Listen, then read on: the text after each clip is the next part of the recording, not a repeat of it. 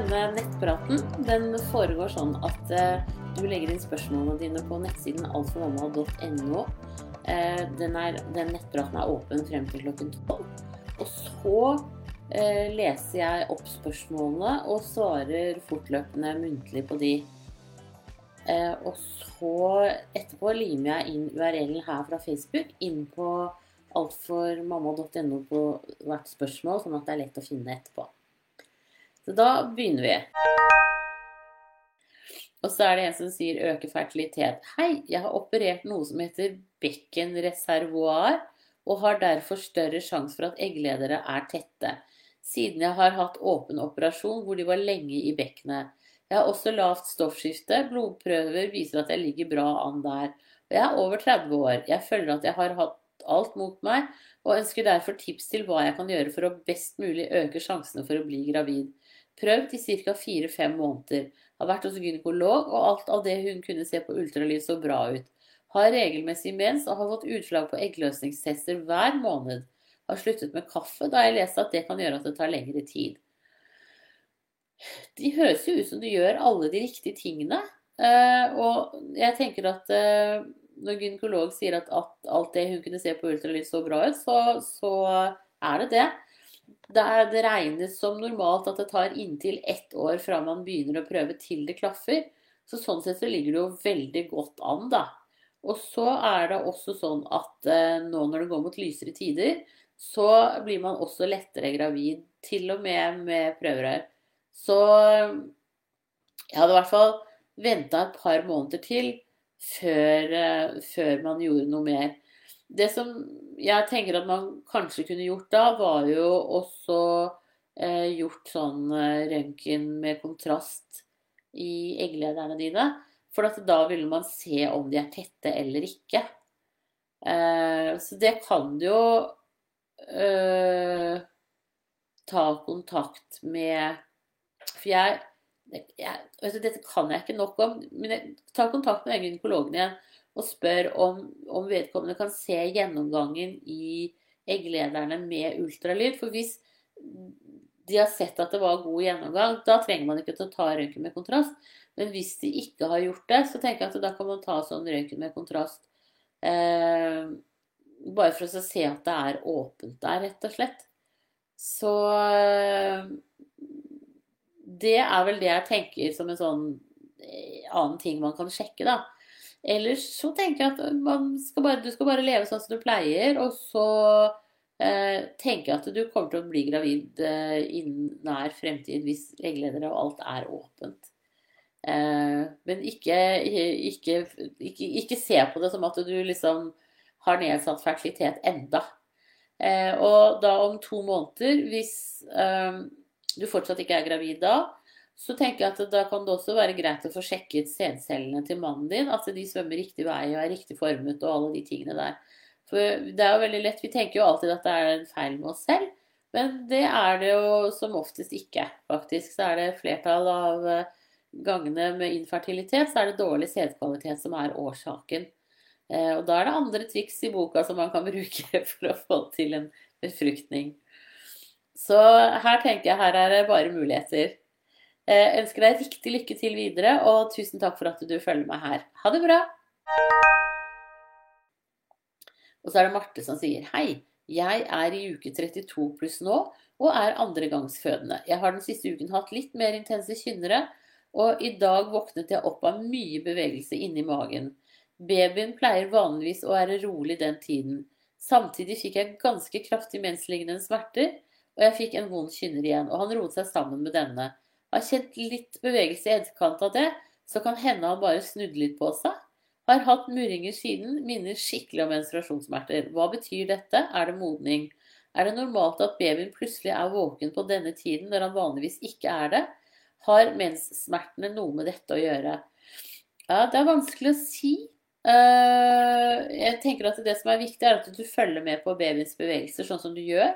Og hvis det blir mindre Hvis du nå kjenner mindre bevegelser i etterkant av den romsteringen han gjorde, så syns jeg du skal ringe til fødende og snakke med dem. Eh, og eventuelt komme inn og få kjørt en CTG for å se at eh, alt er bra med han. Eh, eller så ligger du helt opplagt helt på vippen til å gå over i fødsel. Sånn at eh, det også er jo en faktor. Eh, men eh, Ja. Så jeg tenker han, han, blir jo nå presset lenger og lenger ned i bekkenet av uh, kynnerne dine. Så det også gjør jo på en måte ikke sant? Babyen skrus ned i, i bekkenet som en skrue. Eh, og det gjør at man kan kjenne bevegelser litt andre steder. Og, og kanskje han liksom eh, kjenner jo på at hodet også blir mer og mer klemt, da. Men det aller, aller viktigste er babyens bevegelser. Kjenner du mindre liv nå i etterkant, så synes jeg du skal, eh, enn det du har pleid å kjenne før, så syns jeg du skal ringe til fødende og snakke med dem. For da skal de ta deg inn på en sjekk, rett og slett. Eh, så om det er normalt at babyen plutselig er våken på en annen tid enn den pleier, det vet jeg ikke. Eh, så det må du nesten høre med de på fødende om. Der er de mye mer eksperter enn meg. Så, så ring fødeavdelingen din, du også snakk litt med dem. Det syns jeg du skal gjøre hvis du kjenner mindre liv nå. Ellers så tipper jeg at du Det høres jo ut som du er klar til å føde når som helst. Så jeg ønsker deg riktig lykke til videre. Og husk under fødselen at den smerten du har når du har rier, det er ikke en farlig smerte, men det er smerte fordi at det er trangt. Så stopp kroppen din når den tenker at eh, her vil jeg bort, sånn som hjernen er programmert til å gjøre. Men bare tenk at her skal jeg være, for resultatet er verdens beste. Da ønsker jeg deg riktig lykke til videre, og tusen takk for at du følger meg her. Ha det bra! Og så er det Jente22 som sier Hei, så godt å kunne sende inn til deg, Siri. Veldig hyggelig. Takk. Jeg lurer på eggløsningssmerter. Jeg sluttet på p-piller 31.1, da meg og samboer ønsker å bli gravide. Fikk pillemens 5.2 som normalt og varte i tre dager. 14. og 15. februar fikk jeg menslignende smerter i underlivet. Var dette eggløsningssmerter? Kommer disse smertene før, underveis eller etter eggløsning? Eh, det kan gjøre litt av hvert, og særlig når du akkurat har sluttet på p-piller, så kan det også være litt sånn rotete. Så jeg tenker at dette her er ikke så lett å definere, men at det definitivt er innafor normalen. Så det blir spennende å se når du får eh, neste mens om en snaut to uker, eventuelt. Eller om du ikke får den. Hvis du ikke får mensen da, så kan du være gravid. Men det er ofte sånn at det, det går litt tid fra man slutter med p-piller, til mensen kommer ordentlig i gang.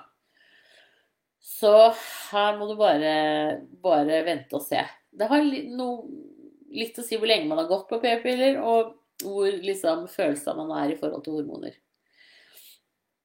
Men vi krysser fingrene. Jeg ønsker deg riktig lykke til videre, og tusen takk for at eh, du følger meg her. Ha det bra! Og så er det Thea som sier Hei, Siri. Så godt at denne siden finnes. Tusen takk. Jeg lurer på én ting. Under eggløsning vil man få mørkere brystknopper, ømme og at de er mer struttende. Har også fått synlig små klumper nupper på det mørke området. Er dette normalt? Ja, det kan det være.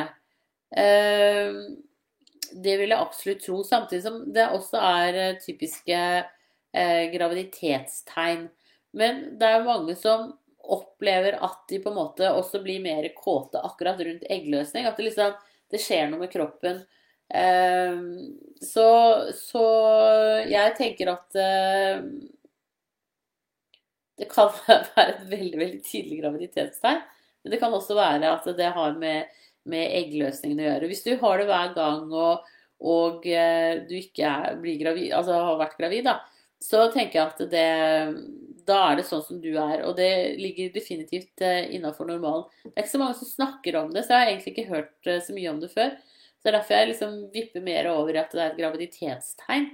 Men det er jo absolutt et spørsmål som kunne vært artig å visst, da. Eh, kanskje jeg skal legge det ut på Facebook og høre med folk om de har det sånn. Eh, se om noen tør å svare. det kan vi prøve. Eller jeg kan legge på alt for mamma. Men eh, helt sikkert normalt. Kan ikke tenke meg noe annet. Da ønsker jeg riktig lykke til videre, og tusen takk for at du følger meg her. Ha det bra! Og så er det prøvene som sier Hei, Siri. Jeg sluttet med p-piller Jasmin for fire måneder siden, hvor jeg har hatt mensen hver måned siden. men da ganske så uregelmessig. Det kan bli så uregelmessig som ti dager. Jeg og min samboer har sex minst annenhver dag hele syklusen min, foruten de dagene jeg har mensen, og har hatt det siden jeg sluttet med p-piller. Mitt problem er at jeg verken kjenner eller kan finne ut når, eller om jeg i det hele tatt har eggløsning. Jeg har ingen kroppslige tegn på eggløsning på noen som helst måte. Eggløsningsslim, økt temperatur, smerte eller lignende. Og eggløsningstest har aldri gitt utslag. Hva skal jeg gjøre? Vi håper veldig på en liten en så fort som mulig, men kjenner jeg er ganske bekymret for at det aldri skal skje. Ja. Eh, punkt én. Normalt at det tar inntil ett år før man blir gravid fra man begynner å prøve. Så jeg tenker at eh, her må du bare ha litt is i maven. Dette ordner seg. Når, når det gjelder uh, eggløsningstegn, altså er det ikke alle som kjenner det så veldig. Der er vi veldig forskjellige. Så jeg hadde ikke vært så veldig bekymret for det. Uh, nei, så jeg tenker at det går an å gå til fastlegen og så få sjekket om at du har eggløsning. For det kan man se på blodprøver. Så det tenker jeg at uh, det kan jo være en ting å, bestille time hos fastlegen og få gjort nå. Men jeg, jeg, vil tenke at det i utgangspunktet er normalt. Og det at du på en måte Det at det er så uregelmessig, det gjør det jo også veldig vanskelig å finne eggløsningen. Antageligvis så vil det bli mer eh, regelmessig etter hvert. Men det er helt typisk når man slutter på p-piller, så blir ting veldig sånn uregelmessige. Eh, den første kan godt være det. Noen kan også ikke få mensen før det har gått nærmere et år.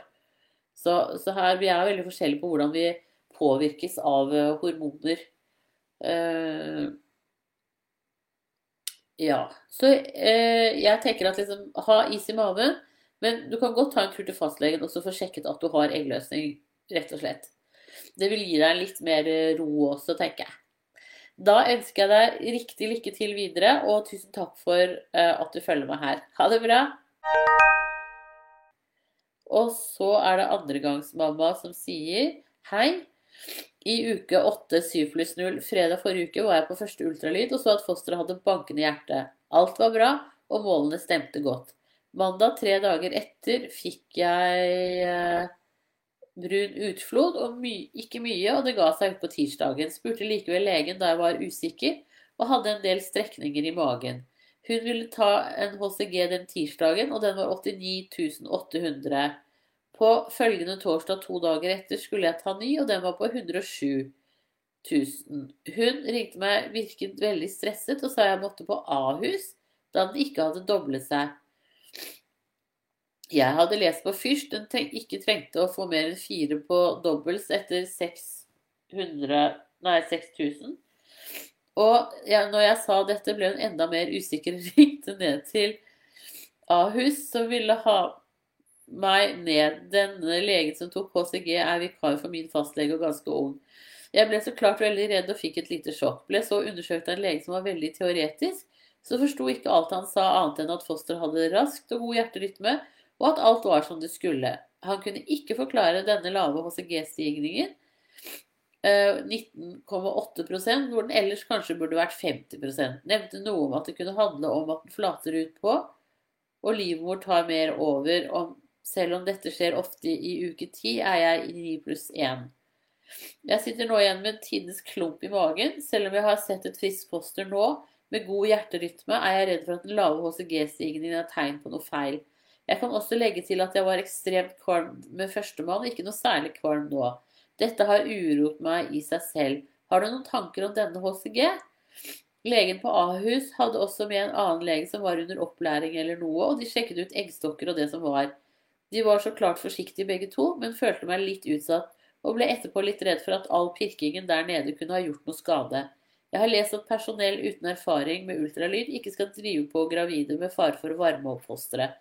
Beklager veldig lang melding, men denne livesendingen var det eneste som holdt meg halvveis rolig i natt. Vi prøvde ett og et halvt år på å få nummer to, så dette har vært en lang prosess for, for meg psykisk. Ja. Jeg tenker at det viktigste er jo at de har sett et eh, foster som lever og har det bra. Eh, og den lille blødningen du hadde, er nok etter den romsteringen med ultralyden. Så, så det tenker jeg er eh, på en måte helt uh, innafor. Og jeg tror det er mye med HCG man ikke veit så mye om. For det er ikke så mange som måler HCG sånn etter hvert. Eh, og jeg har også hatt eh, gravide her inne på Alfa Mamma som ikke har hatt HCG i det hele tatt. Eh, og som allikevel Altså, de har ikke slått ut, da. På noen tester, verken urin eller blod, og som allikevel bærer frem fine babyer. Så det tenker jeg Men som selvfølgelig er kjempefrustrert underveis, da, fordi at ikke det syns så veldig. Så eh, det tenker jeg er helt greit. Ikke noe å være bekymret for. Eh, det er morkaken din som tar over produksjonen av HCG. Eh, for at eh, Fra uke sånn 10-12. Eh, og, og, der også vil det jo være variabler. Eh, fordi vi er individuelle. Så jeg tenker at jeg er helt enig med den legen på Ahus som sier at jeg har begynt med deg nå. Og da er det sånn at uh, i eggstokken så er det noe som heter det gule legemet, og som er det som slipper det egget som ble gravid. Ble, ble befruktet med det. uh, det gule legemet er det som produserer HCG eh, og graviditetsbevarende hormoner frem til morkaka tar over. Så i det skiftet der så er det mange som også slutter å, å være kvalme.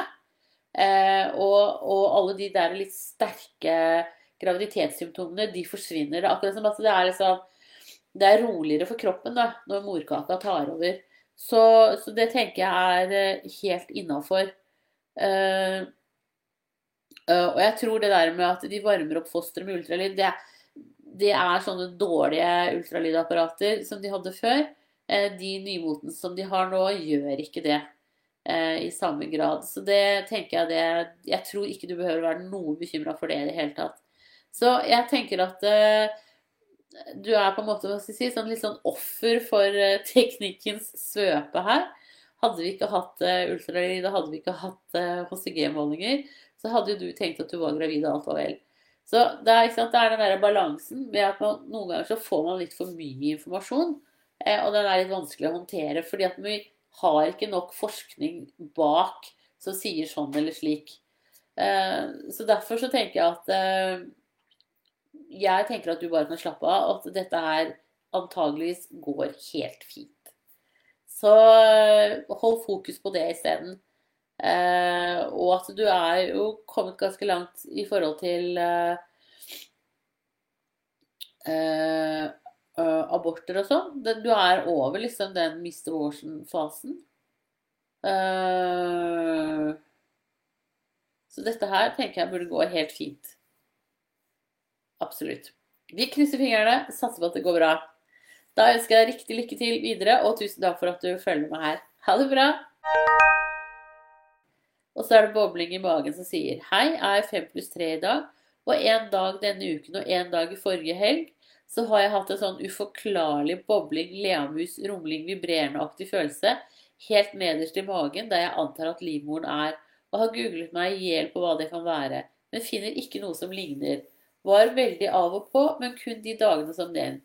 Er det noe du kan forklare? Nei, ikke egentlig. Jeg kan bare gjette helt vilt. Og det er at eh, det etablerer seg jo nye blodkar, og blodtilstrømningen øker inn til livmoren. Eh, og den bygger seg opp. Sånn at eh, jeg tror det handler om det. At her har du en økt aktivitet, rett og slett. Og at det kan gi en sånn litt sånn eh, bobling, rumling-følelse. Men så lenge det ikke er smerter som er vedvarende, sånn, så er det helt innafor normalen. Jeg tenker at det er helt, helt normalt. Da ønsker jeg deg riktig lykke til videre, og tusen takk for at eh, du følger meg her. Og da er det uke 38 som sier Hei, er litt over 38 uker på vei, og hodet har ifølge jordmor festet seg. Men det siste døgnet mistenker jeg at babyen har rotert, skiftet side i magen, fra at ryggen er på høyre side til venstre, eventuelt mer midt i magen. Er dette normalt etter at hodet skal ha festet seg? Ja, det er det, for jeg tenker da at da har du hatt en del gode kynnere som har gjort at babyen nå har blitt Det heter kardinalbevegelsene. Det der at babyen liksom skrur seg ned i, i bekkenet.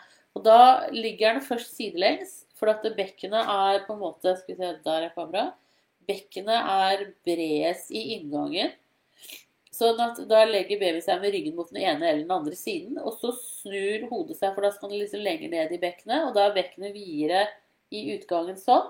Sånn at da skrur hodet seg dere må nesten, altså Det ligger inne på Alfa Mamma så ligger, ligger en artikkel om kardinalbevegelsene. Men så, sånn etter hvert da at liksom hodet til babyen skrur seg nedover, så vil også ryggen på et tidspunkt ligge forover eh, ut mot navlen. Eh, så dette her eh, høres bare kjempebra ut. Du, jeg tenker at den bare er i ferd med å skru seg ned. Eh, og da med litt gode rier så skrur den seg ut om ikke så lenge. Så helt normalt og helt innafor, men det er morsomt at du kan kjenne det. da.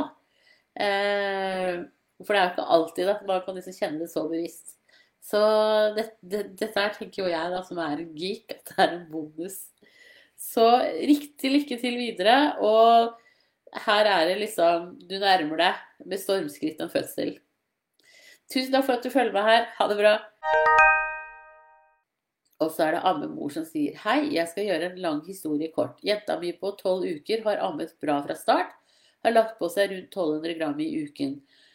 Sugetak og alt i orden. Fikk sutt lenge etter ammingen var godt etablert. Sutt fikk hun pga. sterkt sugebehov, som igjen førte til overproduksjon hos meg. Kontaktet en flink ammehjelper. Hun fortalte om intervallamme, og det fungerte bra. Men plutselig begynte hun å die rart. Det kom klikkelyder, og hun var urolig ved brystet. Hun hadde litt liten fall i kurven, men ikke så mye inntil nå. Jeg var hos helsestasjonen, gikk opp 180 gram i uka, som var bra siden hun var fornøyd og ammingen ok. Men etter helsestasjonen startet hun med å die sjeldnere, syns jeg, og kortere. Etter en stund ville hun ikke mer, og jeg tenker hun kan umulig være mett. Så jeg kontaktet helsestasjonen for å sjekke vekt. Ti dager hadde gått fra forrige kontroll, og denne gangen hadde hun lagt på seg bare 100 gram på ti dager. Dette ble en ond sirkel med ammingen, så tror melken forsvant litt for meg da hun vegret seg for brystet. På natt spiser hun perfekt, og bleie blir så våt at hun tisser igjennom. Men jeg føler at det er nederlag. Jeg har begynt å dele delamme, hun får pupp på natt, men resterende var utpumpet melk og resten morsmelkserstatning. Fordi min utpumpet melk ikke blir mer enn 80 ml utpumpet, vet baby får mer ut, men det hjelper jo ikke når hun ikke vil ligge der. Men å pumpe er slitsomt. Så jeg begynte å gi fra brystet først, og deretter flaske med morsmelkerstatning. Men hun vil sjelden ha brystet. Så det jeg lurer på, er om jeg tilbyr for ofte. Men hun kan slå seg vrang ved brystet, men vil ha flaske etterpå. Og så synes jeg det er vanskelig at jeg ikke vet hva hun får i seg når jeg gir direkte fra puppen og deretter morsmelk på flaske. Jeg oppdaget i dag også ørevoks som hadde rent i øregangen og lå nederst ved øret. Kan det ha gjort så hun har hatt øreverk? Barnelege har sett på henne, men aldri i ørene. Tungebåndet er normalt, ingen låsninger heller. Men hvorfor vegrer hun seg for brystet? Kan det være fordi hun er vant til masse melk, og nå ble det normalt at hun ikke gidder, da det går saktere enn hun var vant med? Ja, eh, her kan det jo være flere faktorer. Men det du skal huske på, er at amming er et samspill. Eh, og hvis eh, babyen ikke vil, så er det faktisk veldig lite du kan gjøre. Eh, det er ikke det, er ikke det er umulig å få et barn til å amme som egentlig ikke vil. Så, så jeg tenker at eh, du må i hvert fall ikke skylde på deg selv. Dette, dette er bare sånn som det er. Eh, så, så, jeg tenker at du gjør sånn som du gjør. Am først, og så gir du flaske etterpå. Og da sikrer du på en måte at hun får nok melk. Det er ikke så viktig at du vet hvor mye, for hun er så stor nå at hun sier fra hvis hun er, ikke blir mett. Og så kan det jo høres Det som skjer sånn rundt tolv uker, det er jo at de blir veldig mye mer nysgjerrig på det som foregår rundt dem. Eh, og, og, er liksom mer eh, retta på det. Så har ikke så god tid til å spise på dagen. Men det har hun jo da tydeligvis om natten, siden det ikke er noe problem å amme om natten. Så, så jeg tenker at eh, fortsett å gi delame sånn som du gjør nå. Det er superbra.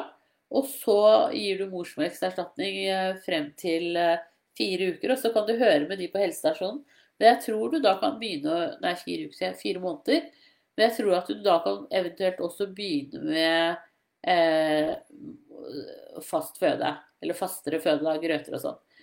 Så eh, det med Ørevoks er ikke så farlig. Det skal ikke, ørevoks har ikke noe å si. Hvis det har vært en ørebetennelse, så er det noe annet. Eh, Men eh, ja. Så jeg tenker at det, du må bare slå deg til ro med at nå blir det litt erstatning og litt morsmelk. Men, men amme så lenge hun vil, eh, og, og, så lenge du orker å amme om natten, så tenker jeg det, det er superinvestering. Uh, hun har fått det beste av deg frem til tolv uker, og det er det aller viktigste. Det er mange som begynner med, med tillegg sånn rundt uh, 16 uker, altså fire måneders alder. Så, så sånn, sånn, er det bare. Eller som introduserer annen føde, da. Uh, men hør på helsestasjonen hva helsesøster tenker. Men jeg, jeg, tenker i hvert fall, Dette er på en måte litt utafor mitt område, men jeg tenker at så lenge du ammer og gir morsmelkerstatning etterpå, så vet du egentlig at hun får nok. Hun roer seg ikke hvis hun ikke får nok. Eh, det tenker jeg. Så eh, hun er seg selv og gjør som hun vil, og det er lite du kan gjøre med det. Sånn er det bare. Da ønsker jeg deg riktig lykke til videre. Du er ingen dårlig mor. Eh, og tusen takk for at du følger meg her. Ha det bra. Og så er det Marie som sier Hei, jeg fødte for ett år siden. Og når jeg hadde presseri, så stoppa alt opp. Jeg fikk følelse av at han kom til å dø. En slags uvirkelighetsfølelse. Jordmor ba meg trykke, men jeg kjente ingenting. Babyen hadde navlestrengen rundt halsen, om det gir mening. Er det vanlig at alt stoppa opp slik? Eh, har tenkt masse på dette i ettertid. Ja, det hender det faktisk at eh, at riene forsvinner litt akkurat når man skal begynne å trykke. Eh, så det er, uh, er innafor. Men da pleier vi å, å, høre etter og høre at babyen har det bra. Og hvis babyen har det bra, så, så gjør det jo ingenting. Men det er klart at hvis babyen hadde navlesnoren rundt halsen, så, så vil jeg tro at hjertelyden kanskje gikk litt ned eh, på de riene du da Eller gikk litt, litt, ned, da. Og at det var derfor jordmor ba deg om å, å, å trykke.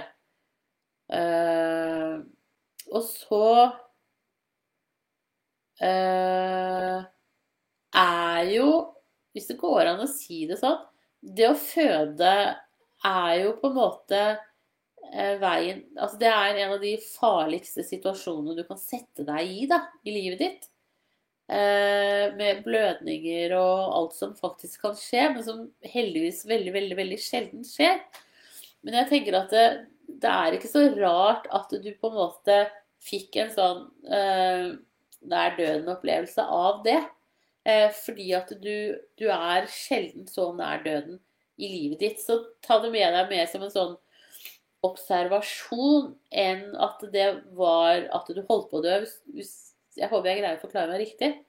Eh, men, men eh, for, for, du var ikke i deg selv døden er, men du kjente på den følelsen.